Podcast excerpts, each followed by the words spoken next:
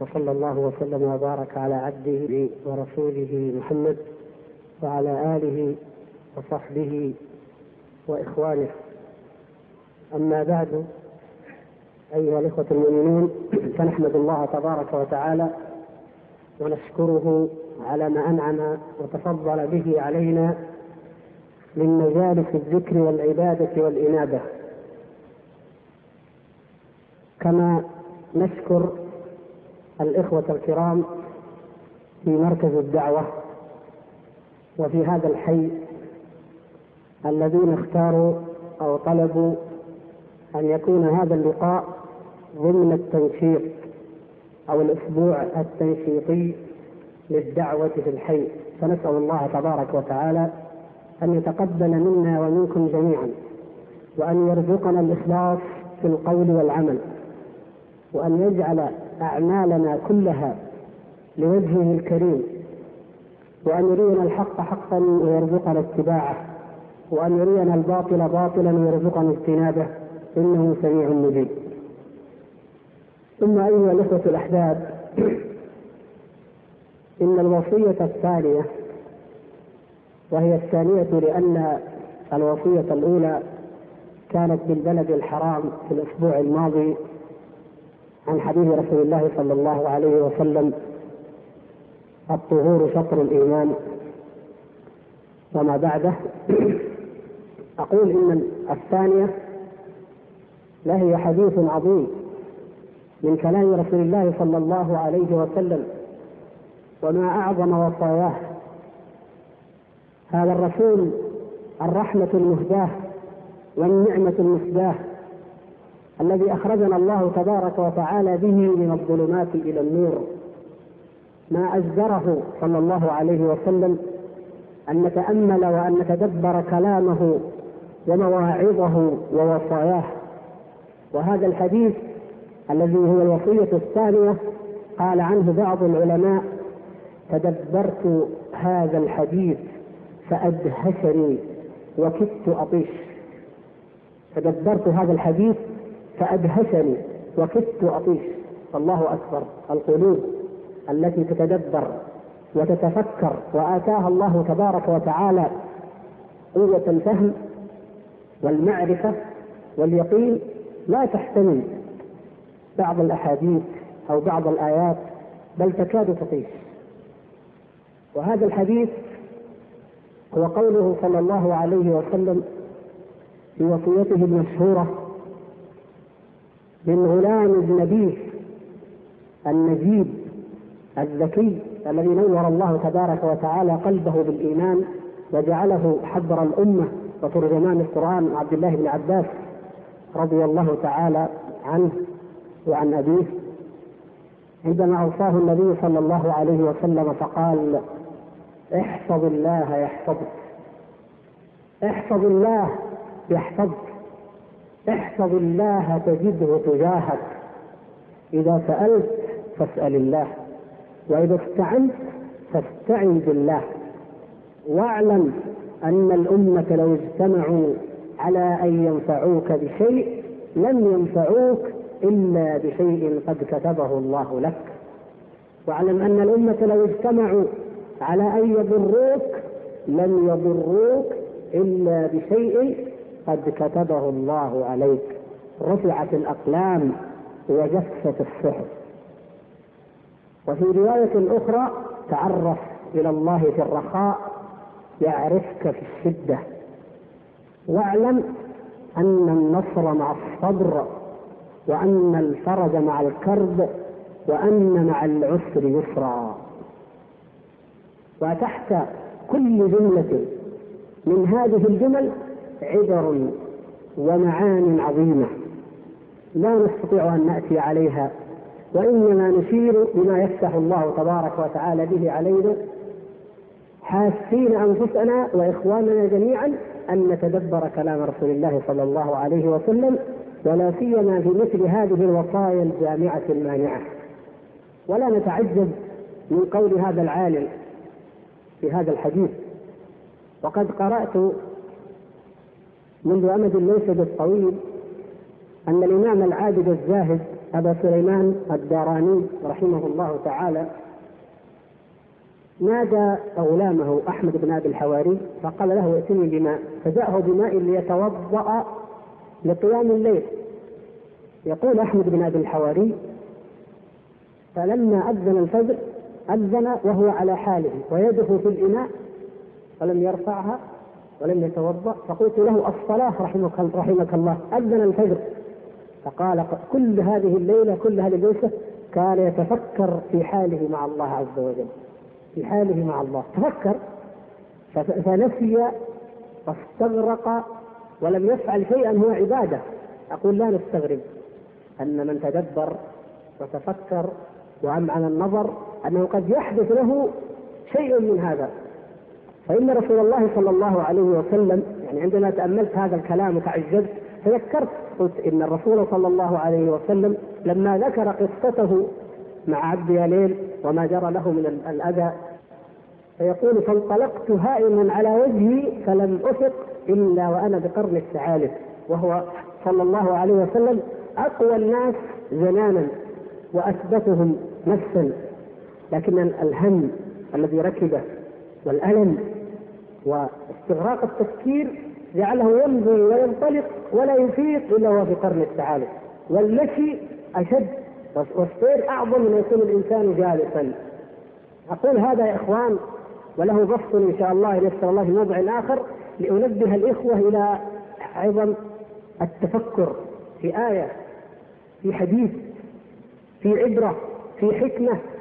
فهذا التفكر ثمرته عظيمة جدا. يورث التفكر في القليل يورث لك علما عظيما جدا بحيث أنك كلما قرأت أو تعلمت أو رأيت أي عبرة وأخذتها بهذا العمق في التفكير والتدبر والتأمل تفيدك كثيرا جدا. وبماذا ميز الله تبارك وتعالى أهل الثقى السابقين وعلى رأسهم الصحابة رضوان الله تعالى عليهم ليس بكثرة الرواية ولا بكثرة المسائل في العلم. ولكن بهذا العمق في الفهم واليقين والتدبر والا فإن عامة الصحابة رضي الله تعالى عنهم لم يكونوا يحفظون حتى كتاب الله إنما حفظه نفر معدودون منهم. والحديث كذلك لم يكن يجمعه أو يجمع أكثره والآلاف منه إلا نفر معدودون كما تعلمون لكن اليقين يقر في قلوبهم بآية واحدة بحديث واحد. فهذا اليقين يستغرق قلبه. ويفتح الله تبارك وتعالى به معارف عظيمة فيرد على قلبه من الحقائق الإيمانية والمعارف القرآنية ما يجعله ينسى كل شيء في هذه الدنيا. فحكمة واحدة يأخذها أو وردة واحدة يردها إلى كتاب الله إلى سنة رسول الله صلى الله عليه وسلم إلى هذا المعين الصافي العذب يروي قلبه. وتنبت فيه شجرة الحكمة فيجني ثمارها هو ومن بعده. ولذلك انظروا إلى كلامهم. ورحم الله الحافظ بن رجب عندما كتب كتاب فضل علم السلف. الكلمة الواحدة من كلام السلف تجري مجلدات من كتب الخلف وما أكثرها الآن في المكتبات وما أكثر محاضرات وكلمات. لكن أين كلامنا وأين علمنا وأين خطبنا ومحاضراتنا من كلمة واحدة من كلام السلف؟ لأنهم أخذوا هذا الدين عن إيمان وعن يقين وعن حقيقة. فأقول يا إخوة الكرام تدبروا هذا جيدا. وانظروا كيف قال صلى الله عليه وسلم احفظ الله يحفظك. احفظ الله يحفظك. نعم. من الذي لا يريد الحفظ؟ من الذي لا يسعى في دنياه إلى أن يحفظه الله تبارك وتعالى؟ أن يحفظ من أي سوء؟ لماذا يجتهد الناس في هذه الحياة الدنيا إلا لجلب النفع أو دفع الضر. ولو تأملنا فإن كل ما جاء في هذا في هذا الحديث له علاقة بهذا الموضوع. كل الناس في هذه الدنيا إنما يسعون ويجتهدون ويعملون من أجل أن يحققوا لهم لأنفسهم ما ينفعهم في العاجلة أو الآجلة ويدفعوا عنها ما يضرهم. ومحور ذلك وجماعه كله بهذه الوصايا التي أوصى بها النبي صلى الله عليه وسلم. احفظ الله يحفظك في دنياك وآخرتك. كيف أحفظ الله؟ احفظ الله كما ذكر الله تبارك وتعالى وبين في كتابه الله عز وجل عندما ذكر صفات المؤمنين الذين اشترى منهم أنفسهم وأموالهم بأن لهم الجنة يقاتلون في سبيل الله فيقتلون ويقتلون وعدا عليه حق في التوراة والإنجيل والقرآن جعل من صفاتهم والحافظون لحدود الله الحافظون لحدود الله. إذا احفظ الله احفظ حدود الله.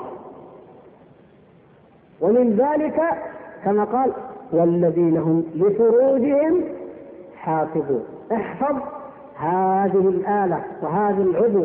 وقد بين الحديث وضم إليه عضوا آخر كما قال من يضمن لي أو من حفظ ما بين لحييه وما بين رجليه أضمن له الجنة. احفظ اللسان واحفظ الفرج. استودعك الله تبارك وتعالى هذين العضوين وما أكثر من دخل النار بسببهما. فإذا حفظتهما فهذا من جملة ما تحفظ. ومن أعظم المحافظة التي أمر الله تبارك وتعالى بها المحافظة على الصلوات. حافظوا على الصلوات والصلاة الوسطى وقوموا لله قانتين. الصلاة التي من حافظ عليها كانت له نورا وبرهانا ونجاة يوم القيامة. المحافظة على هذه الأعضاء ولا تقف ما ليس لك به علم إن السمع والبصر والفؤاد كل أولئك كان عنه مسؤولا. أين أنت يا عبد الله؟ ماذا تعمل في هذه الدنيا؟ تقول ما تشاء تسمع ما تشاء تنظر إلى ما تشاء. لا والله إن السمع والبصر والفؤاد حتى الفكر حتى هم القلب. هم القلب وخطراته وما يأتي فيه هو لا ينبغي أن يكون إلا لله، نعم إن الله تجاوز لنا عما حدثنا به أنفسنا ولم نعمل، لكن لا يجوز أن نعزم على معصية ولا ينبغي لنا لأن العزم مقدمة العمل. إذا يجب علينا أن نعلم أن هذه ودائع استودعنا الله تعالى إياها فلنحفظها ولنحافظ عليها. فإذا حفظ العبد جوارحه وحفظ حدود الله وحفظ ما أمر الله تبارك وتعالى به فامتثله وحفظ ما نهى الله تبارك وتعالى عنه فلم يقربه نال النتيجة وهي يحفظه الله يحفظه الله تبارك وتعالى. والله تعالى يا إخوان الله رحمته أوسع أوسع من أعمالنا وأعظم من من ذنوبنا.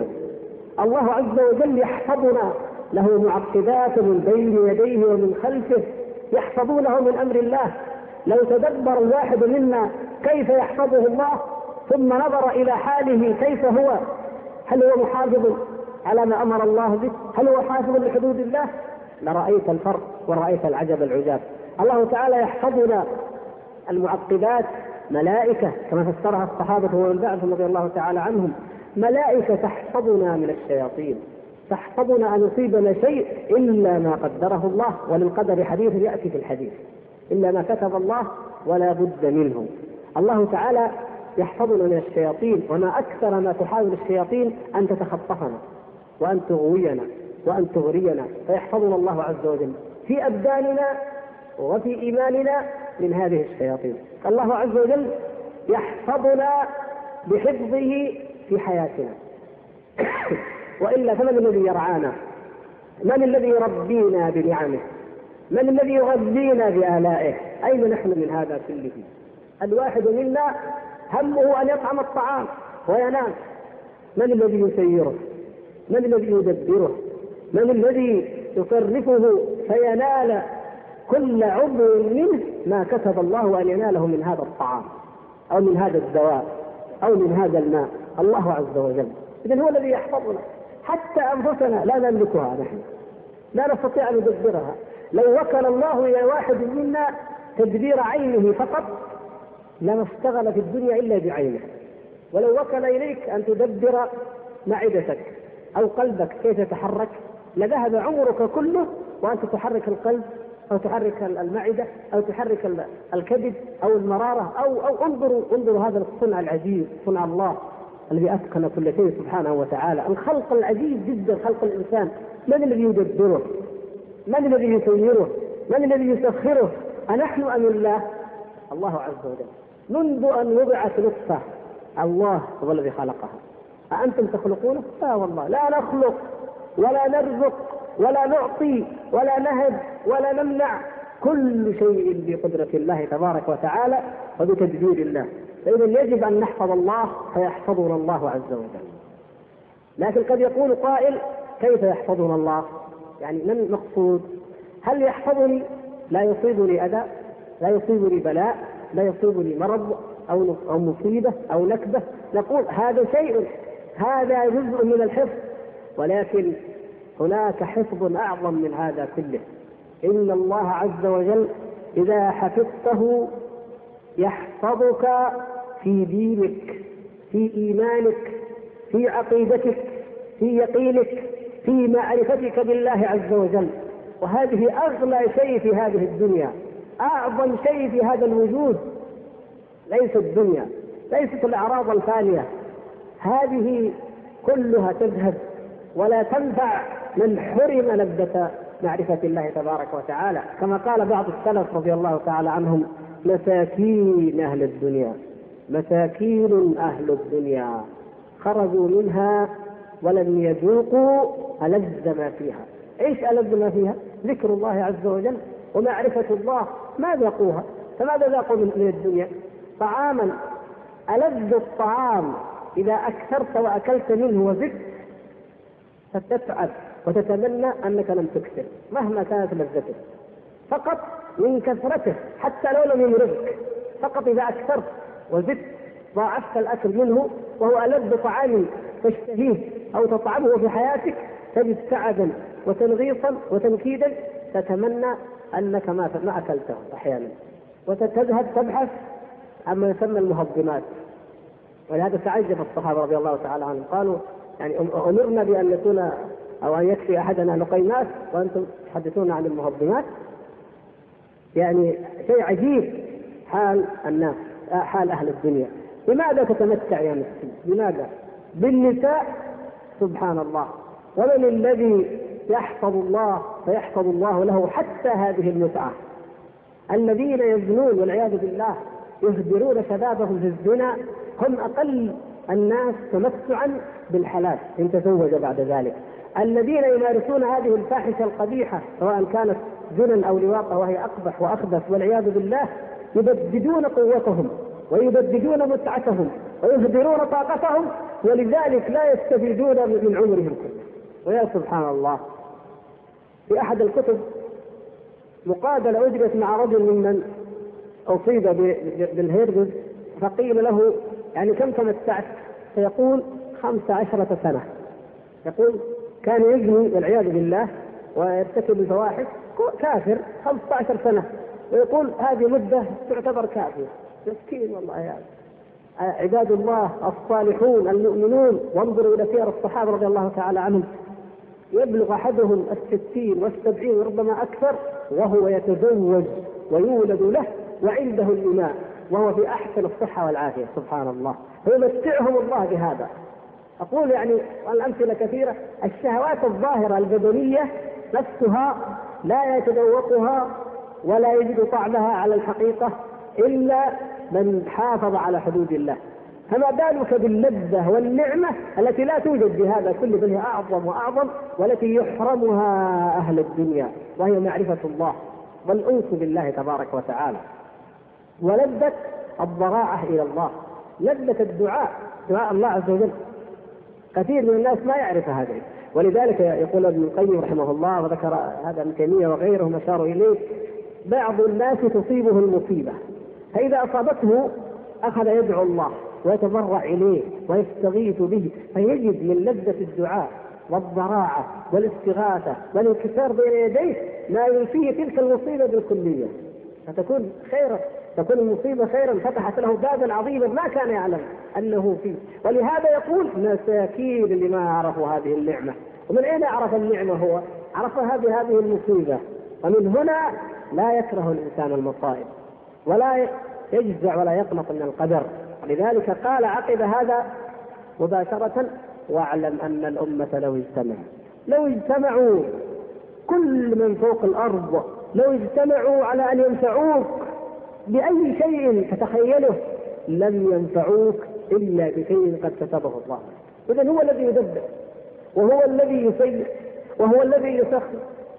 والخلق ينقطعون عند الأسباب الظاهرة. مساكين الناس ينقطعون عند الأسباب الظاهرة الحسية الموجودة.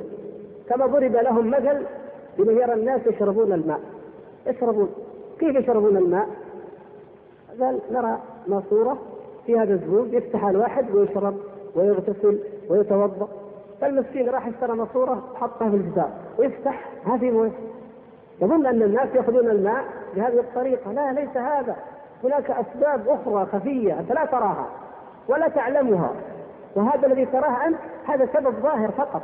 بعض الناس يظن الوظيفة عند فلان المسؤول. بس لو رحت له وافقت وظفت أو التجارة أو البيعة الفلانية أو أي شيء. بس هذا آخر شيء آخر سبب من الأسباب الظاهرة. أما الأسباب الخفية الحقيقية فهذه بيد الله عز وجل. ولذلك لاحظوا ترابط الحديث. قال إذا استعنت إذا سألت فاسأل الله وإذا استعنت فاستعن بالله. لا يملك المخلوقون شيئا. هو الذي يملك سبحانه وتعالى كل شيء. فلا تهن ولا تذل نفسك لأحد غير الله عز وجل ما استطعت إلى ذلك سبيلا. اذا آمن بقدر الله. آمن به. إن كان في حال النفع وإن كان في حال الضر. لماذا؟ لأن أمر الأمر قد قضي. رفعت الأقلام. وجفت الصحف. كل شيء قد كتب كما بين النبي صلى الله عليه وسلم في الحديث الصحيح إن الله كتب مقادير كل شيء قبل أن يخلق السماوات والأرض بخمسين ألف سنة. ولهذا يقول الله تبارك وتعالى ما أصاب من مصيبة في الأرض ولا في أنفسكم إلا في كتاب من قبل أن نبرأها. من قبل أن نبرأها من قبل أن نخلقك يا مسكين قبل أن تخلق أنت بل قبل أن يخلق السماوات والأرض بكم؟ بخمسين ألف سنة كتب ما يقع عليك. فلهذا ما ما موقفك مما يقع؟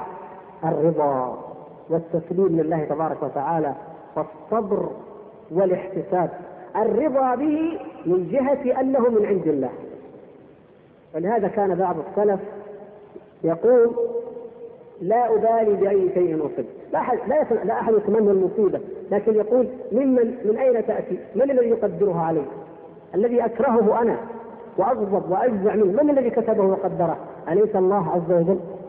فالرضا يكون من جهة أن الله تعالى لا يقدر إلا الخير وأمر المؤمن كله له خير إن أصابته سراء شكر فكانت له خيرا وإن أصابته ضراء صبر فكانت له خيرا. أمر المؤمن كله له خير. إذا احمد ربك وأوقن واصبر واعلم أن كل شيء قد قضي. ولا يضرك ما يكيد لك الخلق. لا يضرك ما يمكرون ابدا. والله تعالى سلى هذه الأمة. قال وإن تصبروا وتتقوا لا يضركم كيدهم شيئا. ما أكثر ما يكاد هذا الدين. الآن في كل البلاد كما ترون في البوسنة في الفلبين في ارسيا في الصومال في في عد عد حتى تنتهي الأمة الإسلامية ودولها وطوائفها كم يكاد لهذا الدين من اليهود من النصارى الصليبيين من المنافقين من الفجار من المفسدين من كل عدو لهذه الدعوة ولهذا الدين. كم يكاد له؟ فما الواجب؟ الواجب علينا أن لا نشتغل بكيد العدو الحديث عنه وتتبعه عن التقوى والصبر عن الصبر والتقوى. لا تشتغل بعدوك وتحمل هم عدوك أكثر مما تحمل هم السلاح الذي تتقي به عدوك. ولهذا قال ابن القيم رحمه الله وهو يتحدث عن أثر أو كيف يعالج من الحسد ومن العين وما أشبه ذلك. من أعظم ما يعالج به ذلك التوحيد توحيد الله عز وجل. أن تحفظ الله وأن تراقب الله وأن تحفظ جوارحك عن معصية الله. هذا إذا اشتغلت به كفاك الله تبارك وتعالى كل مؤذن وكل شرير وكل حاسد وكل كائد لكن لو اشتغلت بكيد الأعداء وانقطعت عن الصبر وعن اليقين لم ينفعك اشتغالك إلا هما وغما. انظروا إلى واقعنا الآن. من اشتغل بخطط أعداء الله وكيدهم ومكرهم دون أن يكون له من الصبر واليقين ما لديه إما أن يقنط وإما أن ينزع وإما أن يهتم وإما أن يغتم ولا نتيجة ولا فائدة. لكن يجب علينا مع معرفة كيدهم ومكرهم وهذا لا يشترط أن يعرفه كل أحد لكن ينبغي أن لا يضيع في الأمة فرض كفاية لكن مع هذا ال ال الأساس الذي يجب أن يكون لدى كل أحد من هذه الأمة الصبر والتقوى التي ندفع بهما بإذن الله تبارك وتعالى هذا الكيد وهذا المكر. فلذلك لا تبالي بالخلق. ما يضرك هذا الخلق وهم لو اجتمعوا على النفع أو على الضر لن يضروك بشيء من عند أنفسهم استقلالا. فإن نفعوا فقد كتبه الله لك. قبل أن تخلق بل قبل أن يخلق هذا الكون بخمسين ألف سنة. وإن كان شرا فكذلك. اذا من المستحق أن يسأل وأن يستعان به وأن يشكر؟ الله وحده لا شريك له. الذي إليه المنتهى والذي عنده خزائن كل شيء. والذي يعطي من يشاء ويحرم من يشاء ويضحك من يشاء ويبكي من يشاء ويحيي من يشاء ويميت من يشاء ويدبر ملكه كما يشاء. هذا يزيد المؤمن إيمانا وتوحيدا ويعطيه قناعة عظيمة. وما أوتي ما أعطي أحد كما ثبت عنه صلى الله عليه وسلم عطاء خيرا وأوسع من الصبر.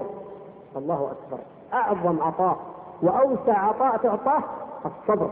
وكما قال في الحديث الآخر صلوات الله وسلامه عليه إن الغنى غنى النفس. فإذا أغناك الله عز وجل وأعطاك الصبر فقد أعطاك من الخير ما لم يعطه أحدا غيرك. فاحمد الله تبارك وتعالى عليه ومن هنا إذا سألت فاسأل الله.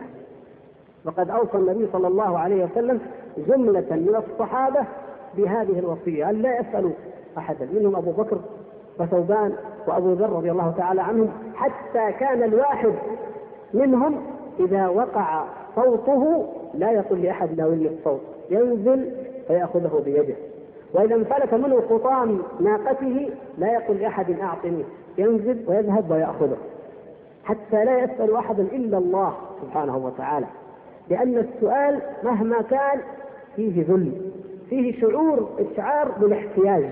ولا ينبغي لك يا أخي المسلم أن تذل نفسك إلا لله والا تشعر أحد أنك محتاج إليه إلا الله عز وجل. إلا إذا اضطر الإنسان فهذا أمر آخر يعني الناس بالناس والكل لله عز وجل. لكن الأصل عندك أن لا تسأل الناس ولا تتشكى ولا تتسخط لديهم.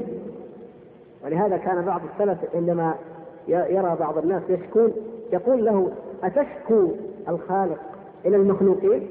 إذا أصابه مرض ذهب وقال للناس وهؤلاء نسأل الله العفو والعافية يحرمون أنفسهم من الأجر ويتألمون لأن الشكوى يصحبها عادة إيه؟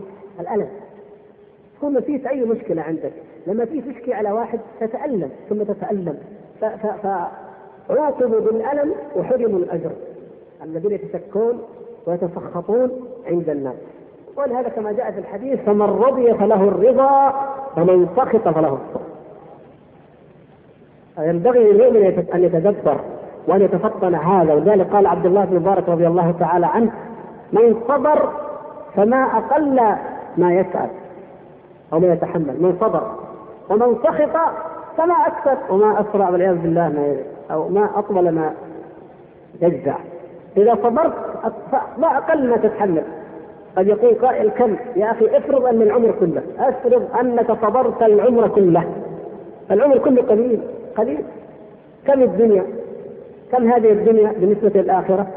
ما متاع الحياة الدنيا في الآخرة إلا قليل فالعمر كله قليل. فما ذلك والأمر ليس كذلك ليس كذلك. لن تصبر عمرك كله.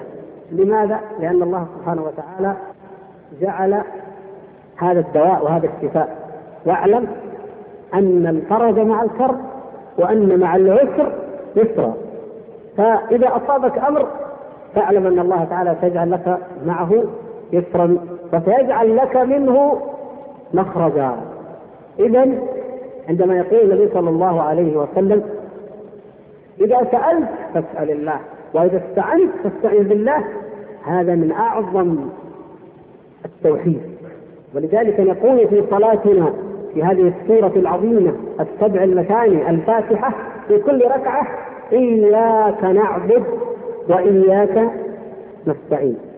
والدعاء متضمن من العبادة بل هو العبادة كما أخبر النبي صلى الله عليه وسلم. إذا نقول لله تعالى نحن في كل ركعة يا ربي نعبدك ندعوك وحدك. دعاء المسألة ودعاء العبادة فالمسألة داخلة فيها. ونستعين بك وحدك. إياك نعبد يعني نعبدك وحدك باللغة العربية. وإياك نستعين أي نستعين بك وحدك. المجرد الاستعانة والعبادة لله وحده لا شريك له. فنجد أننا بذلك نرقى في درجات عالية عالية. لا نكاد نحلم بها ولا نتخيلها إلا إذا حققنا ذلك فعلا في حياتنا. الغنى عن المخلوقين يورثك عزا تجد حلاوته ولهذا قالوا اسأل من شئت تكن أسيرة. أي اسأل من شئت اطلب تكن أسيرة لأنه يأسرك بما يعطيك وما يقدم إليك. واستغني عن من شئت تكن نظيرة. أي إنسان تراه في الدنيا كبير عند أهل الدنيا استغني عنه تكن نظيرة. أنت مستغني عنه ومستغني عنك إذا أنتما سواء وإن كان عند الناس يرونه أكبر بكثير. أبدا ما دمت مستغني عنه فأنت نظيره سواء. وأعط من شئت تكن أميرة إذا أعطيت كنت أميرة لأنه فأصبح أسير نعمتك أو عطائك. هذا لا يعني أن الإنسان لا يعطي أو أنه إذا سأل أو احتاج لا يعني إذا احتاج لا يسأل. هذا كما قلنا لا إنه المقصود أصل نظرتك في الحياة أصل منهجك الذي تسير عليه أن تكون كذلك. وتستغني. بعض الناس يقول نفسه علشان علاوة. علاوة قد تأتي قد لا تأتي. عشان مبلغ بسيط. عشان شيء من الدنيا لا يستحق أبدا. أما الضرورة هذا أمر آخر. لكن عندما ترى حال المسلمين اليوم وحال كثير حتى أحيانا من طلبة العلم تأسف وتألم لما يذلون به أنفسهم من السؤال وإظهار الفقر والحاجة إلى المخلوقين. ولهم في الله عز وجل الغنى كل الغنى. ولذلك بعد هذا أو أو قبله يمكن نأتي على العبارة التي هي أول هي قبل ذلك في في الرواية الأخرى ذكرها الإمام أحمد وغيره. قال تعرف إلى الله في الرخاء يتعرف إليه أو يعرفك الله في الشدة. تعرف إلى الله في الرخاء. يقول الضحاك بن قيس رحمه الله اذكروا الله في الرخاء يذكركم في الشدة. يعني كأنه يشرح الحديث. ثم ذكر مثلين. قال إن يونس عليه السلام لما كان يذكر الله تعالى في الرخاء ذكره الله تعالى في الشدة. فقال تعالى فلولا أنه كان من المسبحين للبث في بطنه إلى يوم يبعثون. فلما دعا دعا بهذه الدعوة العظيمة التي التي هي من أعظم أدعية الكرب والتي قيل إنها أن فيها اسم الله الأعظم سبحانك لا إله إلا أنت إني كنت من الظالمين يعني شيء أين دعا بها؟ أين دعا يونس عليه السلام؟ لا إله إلا أنت سبحانك إني كنت من الظالمين، أين دعا بها يونس؟ في ظلمات البحر في ظلمة بطن الحوت في ظلمة البحر دعا فاستجاب الله تعالى له وأنجاه وأخرجه وألقاه الحوت في الساحل سبحان الله. والآخر الحالة الأخرى حالة الذي لم يعرف الله وقت الرخاء قال وانظروا إلى فرعون كان غافلا عن ذكر الله مستكبرا على الله. فلما أدركه الغرق قال آمنت أنه لا إله إلا الذي آمنت به بنو إسرائيل. نفعه شيء من ذلك؟ آه الآن وقد عصيت قبل وكنت من المفسدين. ما ما نفعه. هذا أنجاه الله وهذا لم ينجه كلاهما في حالة متشابهة لأن ذاك كان يعرف الله في الرخاء فعرفه الله تعالى في الشدة فكان الله تعالى معه. هذه المعرفة الخاصة والمعية الخاصة إن الله مع الذين اتقوا والذين هم محسنون. هذه المعية الخاصة معية النصر والتأييد والتوفيق. المعرفة الخاصة يعرفك الله تعالى المعرفة الخاصة وإنه هو العليم بكل شيء. لكن المعرفة الخاصة هذه لأوليائه أن يقضي حوائجهم وأن يستجيب دعاءهم وأن يكشف كرباتهم وما يهمهم وما يغمهم فلذلك أحوج ما يكون الشباب الدعاة إلى الله اليوم أهم أحوج ما يكونون إلى أن يتعرفوا إلى الله تبارك وتعالى في الرخاء. بل كل مؤمن لكن نخص هؤلاء الشباب لأن الدعوة إلى الله لا تقوم إلا على الشدة. إلا على الابتلاء إلا على الامتحان إلا على المشقات. ولذلك واقعنا اليوم عجيب يا أخوان. واقعنا نحن نحن شباب الصحوة شباب الدعوة.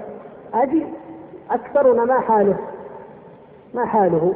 نحن نرى أن الدين والحمد لله تطبق بعض الواجبات الظاهرة أو السنن تتمسك بها وهذه نعمة الحمد لله. والإنسان في أمن وفي عافية. وما يريد أن يحضر من المحاضرات يحضر. الندوات التي يحب أن يستمع لها يستمع. الأشرطة اللي تناسبه يشتريها واللي ما يناسبه من هذه الأمور ما يحضر إليه. وفي وظيفته مرتاح وفي عمله ما شاء الله. وله إخوة في الله يزورهم ويزورونه يجد العوض عن أهل الشر. ومرتاح مبسوط طيب. لا شك أن هذا في خير وأن هذه من بركة الهداية. وأنه قبل ذلك كان في رفقة شيء كان في بلايا كان في يعني ضيق وضنك. لا شك. لكن أي هذا الحد نقص هذا هو المطلوب منا؟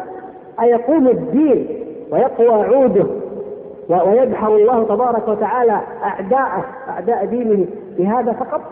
أم أن هناك واجبات ومهمات ومشقات؟ دعوة طريقها مشقة. فكيف نقوى عليها؟ انظر عند أول ابتلاء. إذا جاءت الوظيفة. أو بدأ الإنسان تغير جاء شيء يمس الوظيفة. شيء يمس السمعة كما يقولون بدأ يتكلموا فيها الناس والأقارب والأرحام والأصدقاء وكذا بدأ يحتج جاءت محنة شد شوية يكاد يطير. لا لو جاء سجن ولا شيء يمكن والعياذ بالله يذهب كله. مصيبة إذا. إذا نحن الحقيقة قد نكون في الطريق إن شاء الله قد نكون نتكلم عن الطريق نعرف الطريق وطريق الدعوة وكذا لكن لا نتحدث عن الزاد ولا نحمل هم الزاد ولا نتزود بهذا الزاد زاد التقوى. واليقين والصبر الذي يعينك فتمضي في هذا الطريق. اذا ليس ليس هكذا. ولهذا لما قال النبي صلى الله عليه وسلم أكثر الناس بلاء أو أشد الناس بلاء الأنبياء. ثم الأمثل فالامثل يبتلى المرء على قدر دينه. وفي احدى رواياته قال الأنبياء ثم العلماء ثم الصالحون. شوف العلماء لأنهم ورثة الأنبياء. يقومون مقام الأنبياء. ولذلك انظروا كيف الإمام أحمد شيخ الإسلام ابن تيمية رحمه الله وابن القيم والشيخ محمد عبد الوهاب وغيرهم من الدعاة العلماء قبلهم وبعدهم. كل من دعا إلى الله من العلماء بحق وحقيقة. وقال كلمة الحق ولم يخش في الله لومة لائم لابد أن يؤذى وأن يبتلى وأن يمتحن. وهذا علامة أنه على الطريق. إذا لا نقنط لا تقنط أحمد أحمد الله أنك على الطريق. واسأل الله الثبات واصبر على ذلك. ولذلك نقول الحديث هذا عجيب عجيب جدا. كل كل عبارة فهي آخذة بعنق ما بعدها. ولذلك قال واعلم أن النصر مع الصبر. النصر مع إيش؟ مع الصبر. تريد أن تنتصر؟ اصبر. اصبر على نفسك أول شيء. اصبر. هذه النفس هذه الدابه الحرون التي تجنح بك يمين ويسار. لو أطعتها ألقتك في النار. اصبر على ما تريده من رغبات من شهوات. أقل شيء تريدك أن تنام وتأخر صلاة الفجر. هذا اللي كل يوم قد يحدث لكل واحد منه تريدك أن تتغدى وتنام وتأخر صلاة العصر. مثلا إذا جئت تذكر الله جاءك التعب أو تقرأ القرآن وجاء التثاؤب إذا جئت تحمل نفسك لذهاب درس الذهاب إلى درس أو حلقة من حلقات العلم والذكر تثاقلت وجاءتك بالهموم والمشاكل وارتباطات هذه النفس هذا العدو الذي بين جنبيك ثم الشيطان ثم أعداءك وما أكثرهم أصبر. النصر على العدو أيا كان مع الصبر. عمر رضي الله تعالى عنه هو الحكيم الذي أعطاه الله تعالى الحكمة جاء إليه وفد من بني عبد من قوم عنكرة فقال لهم بما كنتم تغلبون العدو؟ قالوا بالصبر. هو يريد أن يعلم والله يعلم ذلك. قالوا بالصبر. كنا نصبر. يعني نعلم نعلم كما يعلمون لكن نصبر. وهذا يعني يقول أن نفس عنتر بن شداد هذا الفارس المشهور في الجاهلية سئل كيف تغلب اعدائك؟ ما بارز رجلا إلا غلبه إلا أن يقتلها ويفر فبعض الناس يقول أن عنتر هذا انه قلبه يعني حديد. ما يخاف من شيء. لا ابدا. كل الناس عندهم نازع الخوف والرغب والرغب كل الناس. قال عنترة قال بالصبر كلما أردت أن أفر أقول أصبر قليلا لعله يفر هو. كل ما يبغى يفر يقول لا لعله هو الذي يفر فيفر فأدركه أقتله أو يهرب فانتصر عليه. هكذا الإنسان. فهي العمر هذا يا إخوان هو هذه الأيام والليالي فقط. قد تموت الليلة قد تموت غدا قد تموت قريبا. اصبر اصبر. هذه كما قال أبو الدرداء رضي الله تعالى عنه عقبة كؤود وسوف تعبرها يعني تعبر إليها اذا. تحمل اليوم تحمل بكرة بعد بكرة. وإذا بك قد لما عند الصباح يحمد القوم الصراع والله في الليل البارح ما نمنا. مشينا أدلجنا مشينا الحمد لله وصلنا ارتحنا. لكن لو قلنا لا لا تعب ننام. ننام ونقول وإذا بالناس قد ذهبوا والقوم قد وصلوا ونحن منقطعون. اذا أصبر. واعلم أن النصر مع الصبر كأنه معقودان هذا مع هذا. لا ينفك أحدهما عن الآخر. ويوضح ذلك قوله قوله بعد ذلك وأن الفرج مع الكرب. الفرج مع الكرب. كلما ضاقت واستحكمت حلقاتها فرجت وكنت أظنها لا تفرج. متى يأتي الفرج؟ بعد الضيق بعد الشدة بعد الكرب. نعم. متى يأتي النصر بعد أن تعاني ما تعاني. وما أكثر الأمثلة على ذلك. لو بقينا في الأمثلة نحتاج إلى لقاءات طويلة فقط في الأمثلة. انظروا أول الرسل نوح عليه السلام. عانى الكرب. ولهذا يقول الله تعالى ونجيناه وأهله من الكرب العظيم. كرب عظيم كرب عظيم. ألف سنة إلا خمسين عاما يا إخوان. دعوة دعوة. ثم لما أمره الله عز وجل أن يأسه من قومه وأمره أن يصنع الفلك وكلما مر عليه ملأ من قومه سخروا منه. مرارة عظيمة أشد من الرد أحيانا. سخرية. قالوا إيه، نوح كان يدعو كان رسولا. الآن أصبح نجارا يصنع الخشب يأتي بالألواح والدسر إيش تبغى يا نوح؟ هذا يسخر هذا يضحك وهذا كذا. وحاط احاط به الكرب. فبعد ذلك نجاه الله في هذا الكرب متى انجاه الله؟ بعد الكرب بعد الكرب إبراهيم عليه السلام متى انجاه الله من النار؟ جمع الحطب الشديد أوقيت النار العظيمة جيء بالمنجنيق وضع الخليل فيه قذف به يعني متى جاءه الفرج؟ سبحان الله متى؟ بعد الصبر ومع الكرب فلما وضع فيها قلنا يا نار كوني بردا وسلاما على إبراهيم. إحنا الآن نقول يا ليت لا يعني إن كان واحد يبغى يسأل ينجي منهم فلا يقبض عليه حتى أنه يلقى في النار والعياذ بالله من النار في الدنيا والآخرة. لا إبراهيم عليه السلام كل شيء وقع ولم يأتي الفرج إلا مع الكرب مع الشدة عندما انتهى حتى إذا استيأس الرسل وظنوا أنهم قد كذبوا جاءهم نصرنا متى يأتي النصر؟ إذا استيأسوا وظنوا أنهم قد كذبوا انتهت كل الأسباب المادية خلاص وضع فقط في الهواء اذا ما بقي إلا أن يقع. فتحرقه النار وإذا بها برد وصلاة إسماعيل نفس الشيء. متى انجاه الله؟ من الذبح. فلما اسلما وسله للجبين. خلاص سله الجبين وضعه وأمر السكين. كل شيء غاية الكرب على الأب وعلى الابن ماذا يفعل؟ الله أمره. وماذا تفعل يا إسماعيل؟ يا هذا تفعل ما تؤمر. ما في إلا الصبر. صبر الحمد لله. فلما صبرا كان لهما هذا الجزاء من الله تبارك وتعالى. مع شدة الكرب جاء الفرج من الله وفداه بذبح عظيم. إذا لا تكره شدة الكرب يا أخي لأن الفرج مع الكرب. لا تكره شدة الكرب. بل إذا كنت لا زلت في أول الطريق فاحمد الله. واصبر فإذا اشتدت وجاء الكرب يأتي الفرج بإذن الله. موسى عليه السلام متى جاء الفرج؟ بغى فرعون بغى طغى أفسد في الأرض كما أخبرنا الله تبارك وتعالى عنه في سورة القصص وفي الفجر وغيرها من الأعراض. يعني عمل عمل أعمال عظيمة على هذه الطائفة الذين هم بني إسرائيل. وسلط الله سبحانه وتعالى عليهم الجراد والقمل والضفادع وعبر والدم عبر ما في فائدة متى استحكمت حلقاتها. عندما قال موسى لقومه إن الله قد أمرنا أن نخرج ونخرج وإذا فلما ترى الجمعان قال أصحاب موسى إنا لمدركون. يا موسى الحين ما عاد في كنا هناك عند عند الفراعنه نهرب نعتذر الآن ما عندنا حيلة. لأن حملوا أوزارا من زينة القوم وأخذوا ما أخذوا وهربوا خفية والآن أدركنا جيش فرعون الذي لا يقهر أو لم يقهر ما في حيلة. البحر أمامنا وهذا فرعون جاء إيش الحل؟ انتهى كل شيء فيأتي الفرج من الله عز وجل يأتي الفرج بإذن الله اذا يأتي الفرج متى؟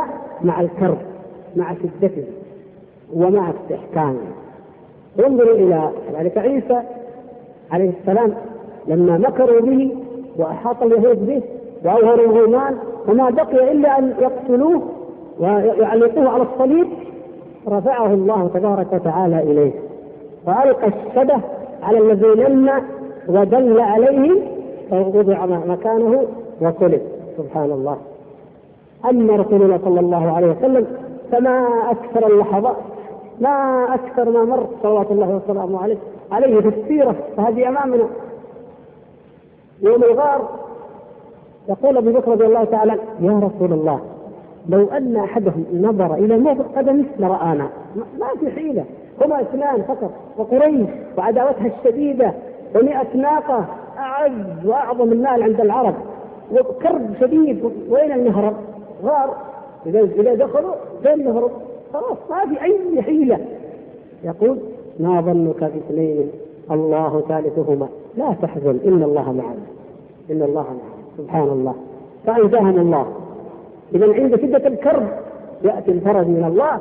قال اذهبوا اذهبوا ولا وكل من جاء مثل ما فعل السواقة قال أما هذا الجانب فقد كفيتموه. اطمئنوا ما يوجد هنا أبد. دوروا في مكان ثاني.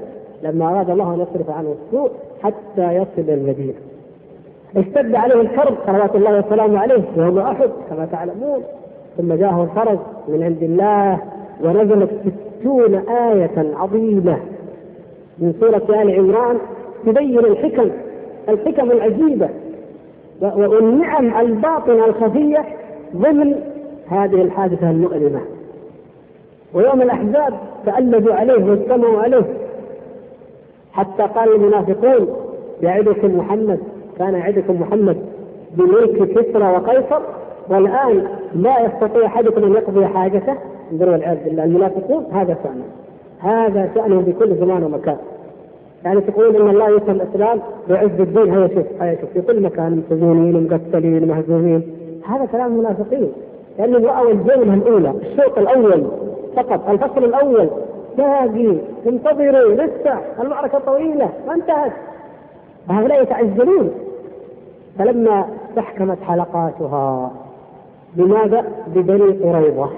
المدينة محاصرة ولكن كان كل من في المدينة ضده وإذا ببني قريظة وهم من أهل العهد والذمة وهم داخل المدينة ينضمون إلى الكفر وإلى العدو المحاصر ماذا بقي؟ ويأتي الله عز وجل بالنصر ويأتي بالفرج من عنده ويرسل عليهم ريحا وجنود لم تروها ويذهب كيدهم ومكرهم ويهزم الله الأحزاب وحده سبحانه وتعالى فله الحمد الذي نصر عبده وأعز جنده وهزم الأحزاب وحده سبحان الله. وهكذا كم في السيرة النبوية؟ فكلما استحكمت كلما اشتدت الكروب كلما رأيت أن لا مخرج ولا حيلة فاعلم أن الفرج قريب. ولهذا جاء في الحديث وتقدم معنا في حديث الصفات يقول النبي صلى الله عليه وسلم يضحك يضحك ربكم ربنا عز وجل من قنوط عباده وقرب غيره من قنوط عباده. إذا أمحلوا أجدبوا ما جاء المطر. وهل ترى الناس؟ وإن كانوا من قبل أن ينزل عليهم من قبله لمبلسين. تراهم مبلسين يائسين قانطين بجعيد لا ماء الدواب قد هلكت والأرض قد يبست والرياح تعصف بأراضيهم الغبار. وفي حالة الله تعالى يضحك لما يرى من قنوطهم وجزائهم وإبلاسهم وقرب غيره أنه قريب لكن ما يدرون هم ما يدرون أنه أيام أو ليالي أسابيع وإذا بالغيث والنعمة المنشورة والرحمة تأتي من كل مكان وإذا بالخضرة وإذا بالورود والأزهار والطيور والخيرات والبركات ثم تأتي إلى هؤلاء تقول لهم ذيك الأيام يا شيخ خلاص ما أبغى تفتكر ذيك الأيام أيام انتهى الموضوع. كأن هذا هو كل شيء يضحك الله عز وجل من قلوب البشر مع أن رحمته قريبة. تبارك وتعالى. وهو لذلك قال وأن مع العسر يسرا. هذا كما في كتاب الله إن مع العسر يسرا إن مع العسر يسرا. ومن أعظم نعم الله عز وجل وقد عبر عنها جماعة من السلف كل منهم بأسلوبه الصبر واليسر والرضا من أعظم نعم الله عز وجل على الإنسان أنه يذيقه حلاوة الصبر باستشعاره أن مع العسر يسرا. فمهما نزل به من كرب ومهما ألمت به من مصيبة ومهما يرى أنه قد أحيط به يعلم أن مع العسر يسرا فيبرد ذلك قلبه ويخفف لوعته ويطفئ مصيبته ويستيقن أن الله عز وجل لن يضيعه. فإذا هذه مع تلك. النصر مع الصبر يقترنان لا يفترقان. والفرج مع الكرب يقترنان لا يفترقان بإذن الله، لا يقع هذا إلا مع هذا. ولو جاء النصر من غير صبر ما له طعم. لو ذهبت لتقاتل عدوا وهذا النفس البشرية كذا. ولذلك يقول الله تعالى وتودون أن غير ذات الشوكة تكون لكم. فلو ذهبت لتقاتل عدوا لما أشرفتم عليهم هربوا وأخذتم الغنائم ورجعتم سبحان الله ما لها طعم. مثل إذا قاتلتم أيام من الليالي القادسية ليالي شديدة على الصحابة رضي الله تعالى عنهم ثم نصرهم الله عز وجل. اذا النصر مع بعد التعب له يعني لذة له حلاوة. وكذلك الفرج ما يأتي إلا بعد الكرب. اذا فليتحمل الإنسان ذلك؟ وكذلك اليسر أو اليسران هو يسران يأتيان بعد العسر ومعه فإذا تجرع الإنسان واستعان على هذه بالصبر نال ذلك بإذن الله. نال النصر ونال الفرج ونال اليسر. ومن يتق الله يجعل له مخرجا ويرزقه من حيث لا يحتسب. ومن يتوكل على الله فهو حسبه. كافيه من كل شيء تبارك وتعالى. إذا يا أخوتي الكرام لأن الوقت يضيق عن الأسئلة نريد أن نبقي لها وقتا. إنما أجملنا إجمالا وأشرنا إشارات إلى ما تضمنه هذا الحديث الشريف العظيم من الوصايا الجامعة المانعة والحكم العظيمة التي نريد أن تكون بإذن الله زادا لنا في حياتنا. فأوصي نفسي وأوصي إخواني جميعا ولنحمل هذه الوصية ونهديها إلى كل من نحب أن نكون من المتدبرين لهذه الوصايا فهما والممتثلين لها عملا والداعين إليها والموقنين بما فيها. أن نوقن بها حق اليقين. فهذا كلام رسول رب العالمين صلوات الله وسلامه عليه.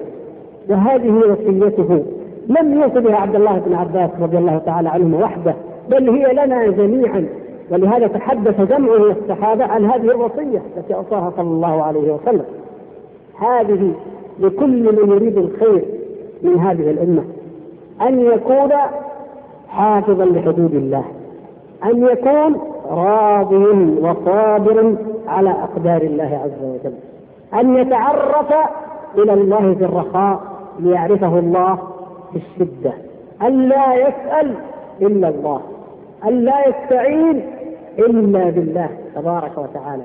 أن يصبر يعلم أن عاقبة ذلك هي نصر الله تبارك وتعالى له وتوفيقه وتأييده وحفظه ورعايته. في الدنيا والآخرة. أما في الدنيا فالحمد لله. كما هو ونحمد الله.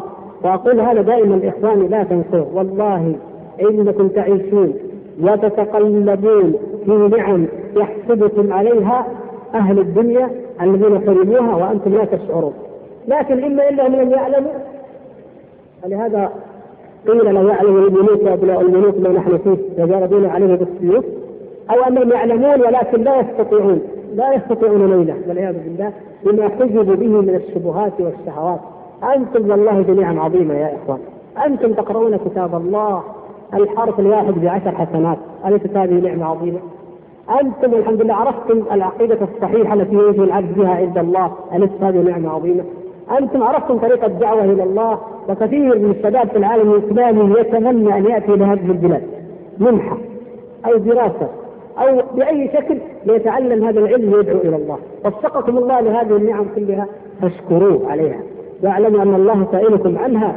واعلموا أن الواجب أن ندعو إلى الله عز وجل. وأن نذكر أنفسنا واخواننا بهذا. والا يعني لماذا قال صلى الله عليه وسلم؟ لا يؤمن أحدكم حتى يحب لأخيه ما يحب لنفسه. سبحان الله. يا أخي مثل هذا الحديث مثل هذه الكلمة. بلغتك عن رسول الله صلى الله عليه وسلم. اعطي اخاك يحب لما يحب لنفسه إذا قرات أنه النبي صلى الله عليه وسلم يقول لا حول ولا قوة إلا بالله كنز من كنوز الجنة. طيب أنت بشرت بهذا الكنز. دل أخاك عليه. كلم جماعة المسجد. قل فيه كنز عظيم. كنز. والله لو تقول بعض الناس. في كنز لا تقول له بالذهب. يقول ما نقدر. لكن في مكان بعيد ما حد درى عنه. لو تحسر تلقى ذهب نرحل معك آخر الليل؟ مشينا يلا. سبحان الله. دلهم على كنز عظيم أن يقول لا حول ولا قوة إلا بالله. دلهم على شيء خير من الدنيا وما فيها. ركعتا الفجر. دلهم على شيء لا يجدون له عوضا في دنياهم. لو قل لو قال الواحد منهم سبحان الله وبحمده مئة مرة غفرت له ذنوبه وإن كانت مثل زبد البحر. الله أكبر. وما أحوجنا إلى هذا. دلهم يا أخي كلم. أقول يا إخوان يجب علينا أن أن نعرف أن نستشعر أهمية الدعوة وأن ندعو الناس إلى الله عز وجل. ولا نقترب هذا العلم لأنفسنا وهذا الخير وهذه المعارف وهذه الحقائق. لنا. وندع الناس في غفلتهم وفي لهوهم وفي مشكلاتهم. لا تغركم مظاهر الناس. أنا أقول الوقت وبعدين أسترسل سبحان الله، لكن أقول يا إخوان لا تغركم مظاهر الناس، والله تجد الواحد منهم في قصور. أو في فلل وتجد السيارات والحشم والخدم والرواتب والوظائف ادخل إلى أعماقهم. الكرب والألم والحزن الزوجه اللي معها والابناء في عقوقهم اياه والبنات أيضا لا يسمعن والسائق يغشه والمدير العمل يخونه وفلان يزعله والموظفين يكرهونه. سبحان الله ادخل إلى قلوبهم. والله لا تجد الا إلا النكد والألم والتنغص. وكل من وكل كل من تعلق بغير الله وكل إليه. إذا تعلق بالدنيا وكل اليها تعلق بمخلوق وكل إليه. يا إخوان لا يكفي أن إحنا نتعلق بالله ونسأل الله تعالى ذلك. ونتعلق بحب الله وما أضعفنا بذلك. ثم نترك الناس يتعلقون بما شاءوا ويحرمون من هذا الخير. لا والله. بل نحب لهم ما نحب لأنفسنا. ونرسل لحالهم. والله مساكين يا أخوان. والله مساكين. كما قال هذا العالم يستمع مساكين الذين ما عرفوا الله. والله الذي الذي تفوته حلقات الذكر انه مسكين الذي تفوته الصلاة جماعة؟ والله مسكين. الذي لا يحجب زوجته وبناته ويمنعهم من النظر إلى ما حرم الله. والله مسكين هذا. يستحق الرثاء ولذلك يعني كان بعض السلف يستعين على دعوته. وهذا أيضا بعض الرسل. يستعين على دعوته برثائه للخلق برحمته لهم مساكين هؤلاء. لما كان حكى النبي صلى الله عليه وسلم النبي يمسح الدون عن يده ويقول اللهم اغفر لقومي فإنهم لا يعلمون. ما يدرون إن إحنا نحب لهم الخير والله. انظر إذا رأوك أحيانا يعني يكادون ان يزلقوك بأبصارهم فعلا. يكادون أن يبطشوا بك. مسكين والله ما تريد منه الخير. حتى الذي يرى أنه أعدى عدو لك. أو إنه يمكن يتسلط عليك ويقتلك ويفعل بك ما يشاء. مسكين أنت تحبه تريد له الخير. تقول تعال يا أخي وبعدين إذا تبت وآمنت أنا أغفر لك أسمحك من كل شيء حتى لو كنت فعلت لي ما فعلت. وأسأت الي ما أسأت. عرفت الله؟ تبت. غفر الله لك. خلاص من اليوم إحنا إخوان أحبة في الله. لأنه ما نريد منهم شيء. لكن يا إخوان هل يعلمون ان يشعر بهذا الشعور؟ ما ما أظن يعني كثير منهم يعلم، لماذا؟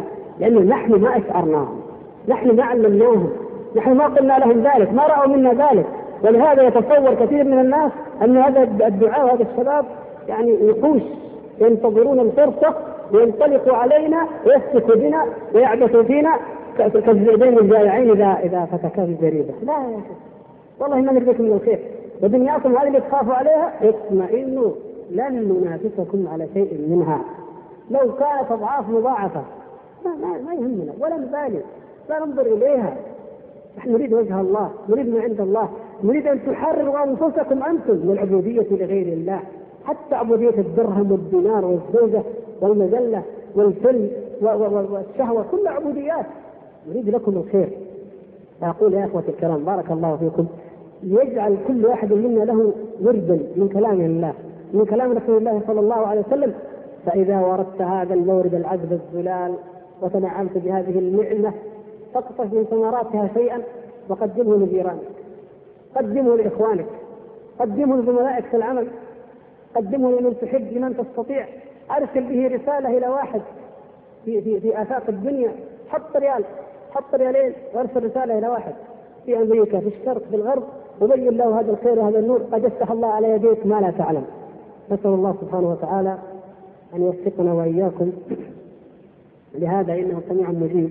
لكثرة الأسئلة يعني نبدأ بها. ونستمر إن شاء الله بعد الأذان بما يقدر الله. يقول الأخ ما هي حدود الله التي أمر بحفظها؟ وأيضا سؤال آخر ما هي حدود الله؟ حدود الله هي شرائعه. ما حر أحل وما حرم. كما أشرنا حفظ اللسان. الله سبحانه وتعالى يؤذن. طيب تفضل.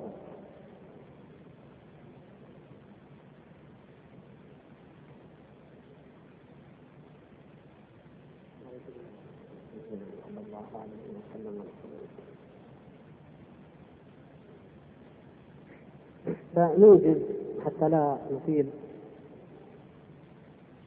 حدود الله كما ذكرنا كل ما شرعه الله يعني امتثال أوامر الله واجتناب نواهيه والصبر على طاعته والصبر عن معصيته والصبر على قضائه وقدره. هذا كلها في حفظ الله وفي حفظ حدوده. وأما ما ذكر الأخ يقول احفظ الله تجده تجاهك. نعم حقيقة نحن أجملنا الكلام والا كل عبارة تستحق لقاء منفردا. فهي كما ذكرنا هي تعني المعية أو أشرنا يعني الحقيقة المعية الخاصة. احفظ الله تجده تجاهك أي هو معك معية خاصة. لأن الله تعالى من صفات الله يثبت لله معيتان المعية العامة وهي معيته للخلق أجمعين. مثل ماذا؟ هل يأتي القرآن في السنة؟ يلا خلينا نحرك الشباب شوية؟ ها. الله نعم. ما يكون من نجوى ثلاثة إلا ورابع ولا خمسة إلا هو سادسهم.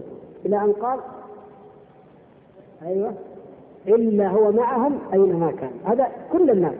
ما يلفظ من قول وقال ولقد خلقنا الإنسان ونعلم ما توسوس به نفسه ونحن أقرب إليه من حبل الوريد إذ تلقى المتلقيها إذا هذه معية عامة. الله تعالى مع كل الناس بعلمه واطلاعه تبارك وتعالى على أحوال لا تخفى عليه منهم خافية. لكن ليست هي المقصودة في الحديث. المعية الخاصة هي مثل قوله تعالى إن الله مع الذين اتقوا والذين هم إن الله مع الصابرين. إلى آخر هذه المعية الخاصة. كما قال تعالى لموسى وهارون إنني معكما أسمع وأرى. وكما قال عن عن قوله صلى الله عليه وسلم لا تحزن إن الله معنا. أي يحفظنا ينصرنا يرعانا يوفقنا. وهنا من شيء إشارة. فاتتنا في الكلام من أعظم نصر الله وتوفيق الله وأن يكون الله معك وأن يكون حافظا لك أن يحفظك عن الذنوب والمعاصي. ولهذا قال الحسن البصري وقال أبو سليمان الداراني وغيرهما من الأئمة المتكلمين في هذا الموضوع العظيم موضوع الإيمانيات والرقائق. إنما عصوه لهوانهم عليه. يعني أهل المعاصي هذولا أهل الذنوب اللي تشوف إنما عصوه لهوانهم عليه ولو كرموا عليه لحجزهم. لو كانوا كرماء على الله لمنعهم من الوقوع في المعاصي لكن من هوانهم على الله تركهم يقعون في الذنوب والمعاصي. ومن يهن الله فما له من مكرم. اذا يا إخوان كل من عصى الله فلهوانه على الله عز وجل. تركه. ولو كرم عليه لحجزه. لعرفه بقدره تبارك وتعالى. وإذا عرف الله وعظم الله لن يعصي الله عز وجل. فهذا من أعظم ما يجده العبد من أنواع المعية الخاصة. يقول كثير من الناس إذا أراد عمل أو وظيفة في مكان ما يبحث عن واسطة. ويقول بعضهم لا بد من واسطة. هل هذا ينافي التوكل التام على الله تبارك وتعالى؟ الأسباب لا بد منها. نعم. وهي لا تنافي التوكل. ولهذا موضوعه غير هذا المقام الموجود. لكن عندما يأتي الحديث عن الواسطه لابد أن نشير إلى شيء يا إخوان. أن الناس كلما أحدثوا ذنوبا أحدث الله لهم عقوبات. يعلمونها ولا يعلمونها الواسطة عقوبة من العقوبات عقوبة على ماذا؟ عقوبة على أن من تولى طبعا من كان حاله كذلك. الأخيار إن شاء الله موجودين لكن من تولى لم يتق الله فيما تولى. هذه الإدارة مثلا شركة أو إدارة أو وزارة أو مصلحة معينة لو اتقى الله من تولى ولو توكل على الله من جاء للوظيفه نحفظ من الواسطة. لكن ماذا نحتاج الواسطة؟ لأن المسؤول لا يتقي الله. فهذه من عقوبة الذنوب عليه وعلى من تولى. ولأن السائل أيضا ضعيف اليقين أو ضعيف التوكل. فاحتاج هذا الواسطه واحتاج ذاك الواسطة. حتى أنك أن بعض الناس يعني بصراحة هذا شيء مؤلم يقول لك يقول عندك واسطة. أنت تجي تأتي بالأوراق المتكاملة يقول عندك واسطة. وهو في نفس الإدارة التي تذهب إليها. سبحان الله. ما الذي أحوجنا إلى أن نتوسط بالمخلوق إلى المخلوق؟ الضعيف نشكوه الضعيف أو يشفع الضعيف عند الضعيف ونستشفع بالفقير إلى الفقير ونستدل بالأعمى على الأعمى. ضعف إيمان مشترك بين الطرفين. وإلا لو لو صدق يقيننا في الله لكنا كما قال صلى الله عليه وسلم لرزقكم كما ترزق كما يرزق الطير. تغدو خماصا وتروح بطانا الطيور لا مستودعات ولا ثلاجات ولا خزانات ولا كل يوم تروح في أرض الله خماصا خاوية البطون وترجع وهي بطانا قد أشبعها الله من فضله. لكن نحن لا. طمع وشرف. فالمسؤول يبغى الواسطات تجي ليش؟ لأنه إذا صاحب الطلب مكتمل ومشى أمره. ما هو مثل لما يجي واحد كمان شخصية ثانية وتكفى والله عشان هو كمان يمشي له مصلحه ثانية وهذا ويحب إنه يخضع له فلان ويتفزع عند فلان. هكذا النفوس نعوذ بالله إذا خوت من مراعاة تقوى الله. وقد قال صلى الله عليه وسلم كلكم راع وكلكم مسؤول عن رعيته. لو كان كل إنسان اتقى الله وعرف هذا الحديث كلكم. فأول ما بدأ قال فالإمام راع يعني في الأمة كلها ومسؤول عن رعيته. أكبر ولاية. ثم ضرب مثال بأصغر ولاية والخادم راع في بيت سيده أصغر ولاية الخادم ما بين الولايتين فكله كلهم مسؤولون. أن يتقوا الله سبحانه وتعالى لأنه سائل كل راع عن ما استرعاه. فلا نحتاج بعد ذلك. لا إلى واسطة ولا إلى غيرها. كيف يعرف العبد إذا ارتكب معصية أن الله تاب عليه؟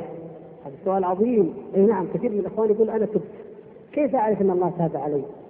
اعلم يا أخي الكريم أن من علامات قبول الحسنة أن تفعل الحسنة بعدها. حجيت؟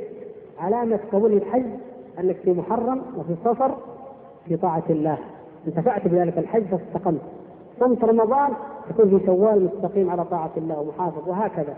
فعلامة قبول التوبة بإذن الله الاستقامة على أمر الله.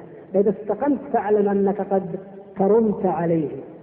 فلما كرمت عليه بالتوبة حجزك ومنعك عن العود إلى المعصية. لكن لو رجعت إلى المعصية والعياذ بالله فأنت عليه هين فلم يحجزك ولم يمنعك. فارجع إليه ارجع إليه لا تمل بابه. هذا الكريم سبحانه وتعالى لا لا يجوز أن نمل سؤاله ابدا ولا ولا ملجأ لنا ولا ملجأ إلا إليه. ولهذا لما ذكر بعض العلماء قصة الصبي قصة لو شاف الواحد منا وهي ترجع إلى ما قلنا في أول كلام من التفكر والتدبر في ناس ينظر يأخذ العبرة في ناس ما يأخذ العبرة. رأى صبيا خرج عن أمه خرج من بيت أمه فتناديه أمه تناديه ابى وهرب من البيت وذهب ولعب وعبث وبعدين إلى أين يذهب الطفل في النهاية؟ إذا جاع إذا ذاق حر الشمس إذا فين يرجع؟ ارجع يدق الباب. فذهب يا أمه أرجوك أستحي يا أمه أستحي يا أمه. فقال فتحت له أمه فاحتضنته وقالت ألم أقل لك يا بني لا تذهب لا تبعد عني فأنا رحيم بك وأنا أعطيك وأنا كذا. واحتضنته قال فتذكرت أنه رحمة الله عز وجل وباب الله عز وجل. نحن يا إخوان الواحد منا بالمعاصي والذنوب يشرد عن الله. الله باب مفتوح تبارك وتعالى. يبسط يديه بالنهار ليتوب مسيء الليل. يبسط يديه بالليل ليتوب مسيء النهار. يبدل السيئات حسنات لمن تاب. لكن من الذي يهرب؟ من الذي يشرد؟ نحن. طيب هربنا إلى فين؟ فلنهرب إلى وبعدين؟ من الذي يفتح له الباب؟ نرجع ندق الباب ثاني مرة. اذا لا نهرب.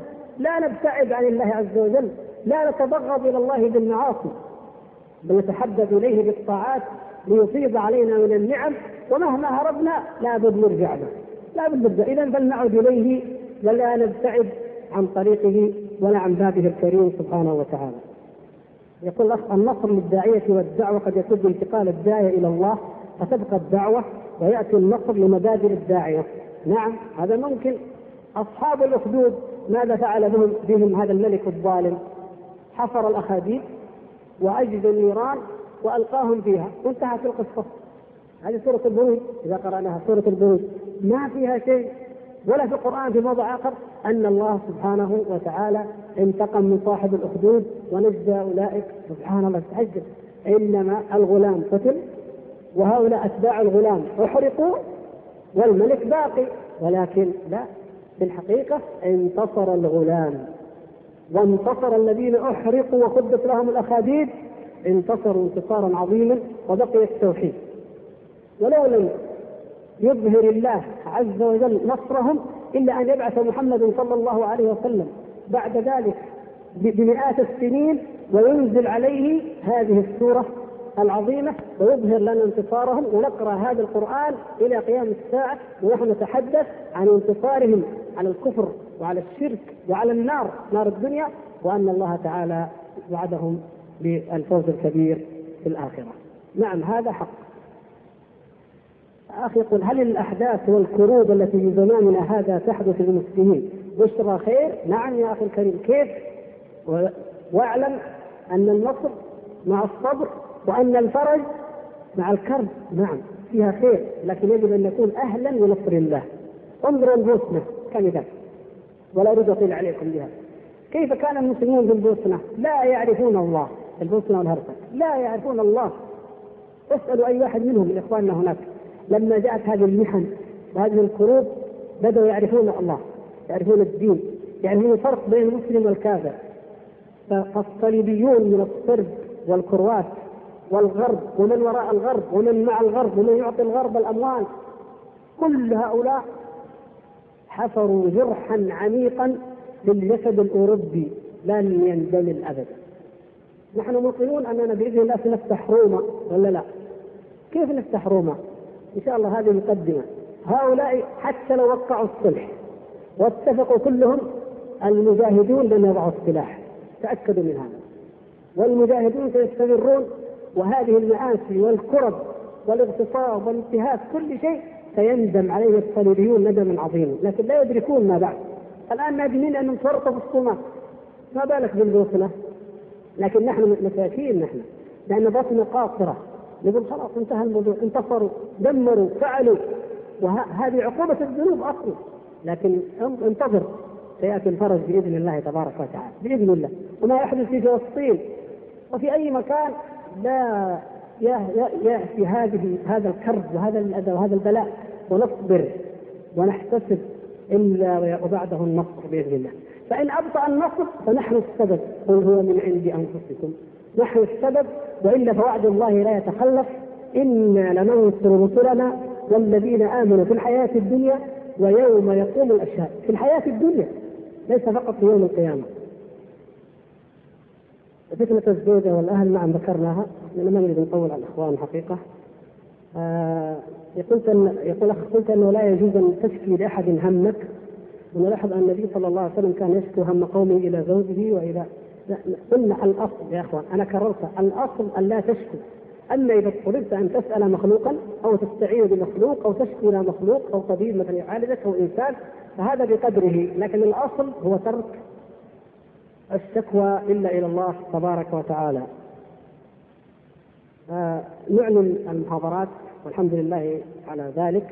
آه محاضرة للشيخ عبد العزيز الحميدي المحاضر بقسم العقيدة يوم الخميس 24 اثنين يعني غدا في مسجد الزاهد بالثعالبة عنوان المحاضرة في ركب الأنبياء ويوجد مصلى للنساء. محاضرة أيضا للشيخ عبد الله بن عبد الرحمن بن رمزي عضو الدعوة الإرشاد بعنوان موانع الاستقامة يوم الاثنين 28 اثنين. مسجد الصار الصبحي حي النزلة الشرقية شرق شبك الهاتف. محاضرة للشيخ سعيد المصري القحطاني بعنوان فيما يفكر المسلم يوم الاثنين ستة ثلاثة بعد صلاة المغرب بمسجد الزاهد بحي القريات ومحاضرة أيضا للشيخ سعيد المصري القحطاني بعنوان الفراغ في حياة المرأة يوم الاثنين ستة ثلاثة بعد صلاة العصر. آه. نقول كيف؟